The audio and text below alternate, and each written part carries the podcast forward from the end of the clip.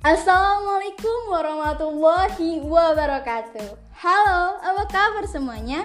Semoga kita semua diberi kesehatan di tengah kondisi pandemi sekarang ini ya. Sebelumnya perkenalkan, nama Nai Nurnay Lafifa.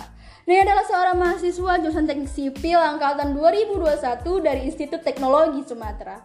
Pada podcast pertama Nai kali ini, Nai membagi sedikit cerita tentang life plan punya Nai sebagai mahasiswa di masa mendatang. Um, bicara tentang life plan, nah yakin banyak di antara kalian yang udah merencanakan life plan atau bahkan udah dijalanin nih. Kita semua tahu lah ya bahwa life plan berperan penting untuk kita meraih tujuan atau dapat memiliki kehidupan yang jelas dan terarah. Gimana nih life plan punya teman-teman? Nah yakin pasti keren keren ya. Kalau punya Nay sih dibagi jadi dua loh. Yang pertama life plan yang dimulai dari saat SMA sampai nanti Nay wisuda.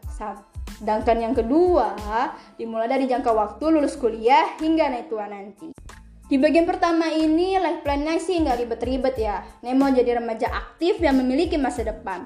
Maksudnya gimana tuh, Nay? Jadi, Nay mau menikmati masa muda Nay saat ini selayaknya anak remaja lain. Tapi tetap membangun masa depan yang pastinya cemerlang dong.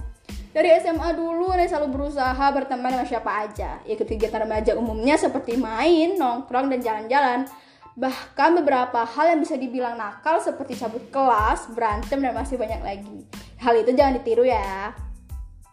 Nek sendiri nggak membatasi diri selagi itu tidak mengganggu masa depan. Kenapa? Karena banyak orang di luar sana yang nyesel karena nggak bisa ngulang masa remajanya. Sedangkan masa tuanya nggak ada cerita. Tapi Nek tetap mau masa depannya cerah dong ya. Untuk itu, Nay tetap menjalankan kewajibannya sebagai pelajar dan berhasil Nay buktikan dengan meraih ranking pertama dari semester 1 hingga 6. Sampai akhirnya Nay lulus dengan predikat sangat baik. Selain itu, Nay juga aktif berprestasi di luar akademik dengan menjadi ketua entrepreneur dan ketua jurnalistik serta mengikuti lomba-lomba seperti literasi, lukis, esai, dan masih banyak lagi. Kalau soal olahraga, Nek memilih bela diri karate yang udah Nek mulai dari SD hingga sekarang. Prestasinya cukup banyak lah ya, walaupun belum sekeren dan sebanyak temen-temen nih. Di sini Nek membuktikan yang berprestasi itu nggak selamanya membosankan dan cupu.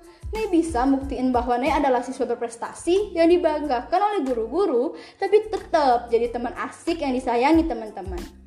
Sebagai mahasiswa, Nay pastiin kebiasaan ini akan diteruskan di masa kuliah hingga nanti Nay lulus dengan hasil memuaskan namun juga dengan sejuta cerita bersama teman-teman. Kalau tujuannya sih sama pastinya dengan mahasiswa lain yang mendapatkan IPK di atas 3,5 atau mungkin 4. Lulus tepat waktu atau mungkin lebih cepat. Nah, kalau bagian kedua ini lebih simpel loh. Setelah Naya lulus nanti, Naya juga ingin merasakan bekerja dan menerapkan ilmu yang udah Naya dapat saat kuliah. Tapi bukan ini tujuan utamanya. Kira-kira apa ya? Sebenarnya rencana ini udah jadi jawabannya setiap ditanya, Naila, cita-citamu apa sih? Dan jawabannya, ibu rumah tangga. Hah? Ibu rumah tangga?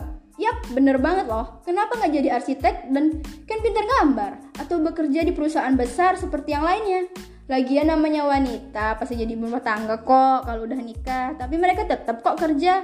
Sayang lo naik prestasinya. Bahkan nih sering dapet candaan. Sini naik otakmu untuk aku aja. Sayang pinter-pinter jadi ibu rumah tangga. Ya, semuanya kembali ke diri masing-masing ya. Tiap orang punya keinginannya masing-masing. Buat Nay pribadi, pencapaian tertinggi itu ketika Nay bisa jadi ibu yang dibanggakan oleh anak Nay nanti. Kenapa? Mungkin ini lebih ke pengalaman Nay pribadi ya di masa kecil yang mendorong Nay untuk jadi lebih baik dan memberikan apa yang gak Nay dapetin dari orang tua Nay dulu dan bukannya ibu itu sekolah pertama anaknya ya.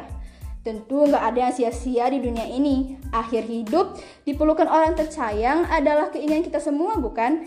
Kita semua punya pilihan untuk tujuan dan jalan apa yang diambil. Semoga kita semua bisa meraih tujuan dan life plan yang udah kita rencanain ini ya.